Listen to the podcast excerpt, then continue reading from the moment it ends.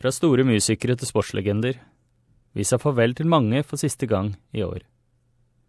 Vi tar en titt tilbake på de som vi mistet i 2016.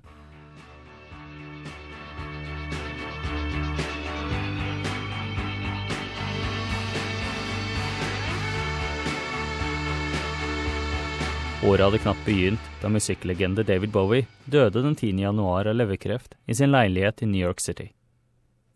Han hadde nettopp gitt ut sitt nyeste album, Black Star, til strålende kritikker. Det såkalte Starman er kreditert med å ha brakt en ny dimensjon til populærmusikk, og var en pioner innen glamrock-sjangeren.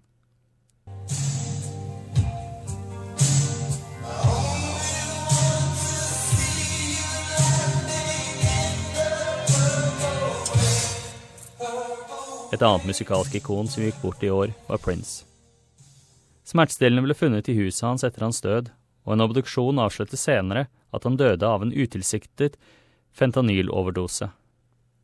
Hans venn Rita Franklin fortalte ITV News at sangeren var større enn livet. There truly was only one Prince, a very, very unique musical individual who uh, was so into his music. Uh, he was music to the max. Og så i den sportslige verden døde Muhammed Ali i en alder av 74 år etter en kort kamp med en luftveissykdom. This flashy-looking shadow is the young man the whole boxing world is talking about. He's Cassius Clay, and on February 25th, he has a date with destiny. That's the night Clay will tangle with the heavyweight champion of the world, Sonny Liston. Han regnes som den største profesjonelle bokseren i sportens historie. Han hadde vært plaget av Parkinsons sykdom i mer enn tre tiår.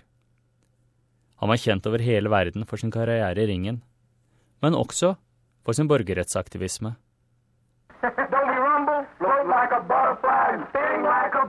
Ah,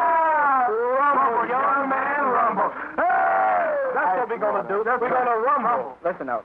Sørgende gråt på gata i Thailand etter at kong Bhumibol Adilajey gikk bort i en alder av 88 år. En utvidet periode med sorg startet for monarken som styrte landet i 70 år. FNs generalsekretær Ban Ki-moon tilbød sine kondolanser til det thailandske folk. His Majesty King Bhumibol was revered by the people of Thailand as a unifying national leader. He was also highly respected internationally.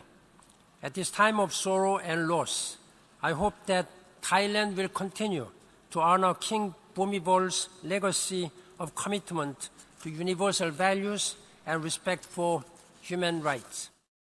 Reaksjonen var blandet til nyheten om dødsfallet av Cubas kontroversielle tidligere leder, Fidel Castro.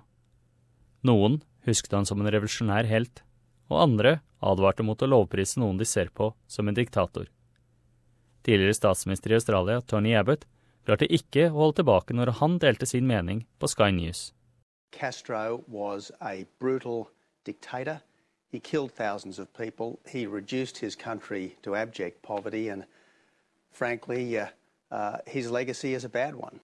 Israels niende president, Shimon Peres, døde i september.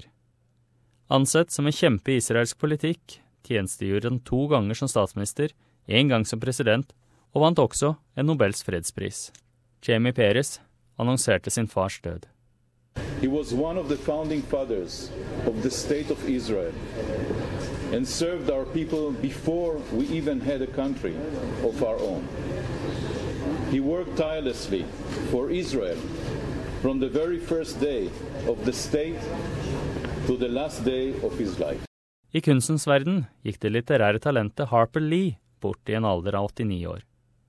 Hennes første roman, To Kill a Mockingbird, solgte mer enn 40 millioner eksemplarer i hennes levetid.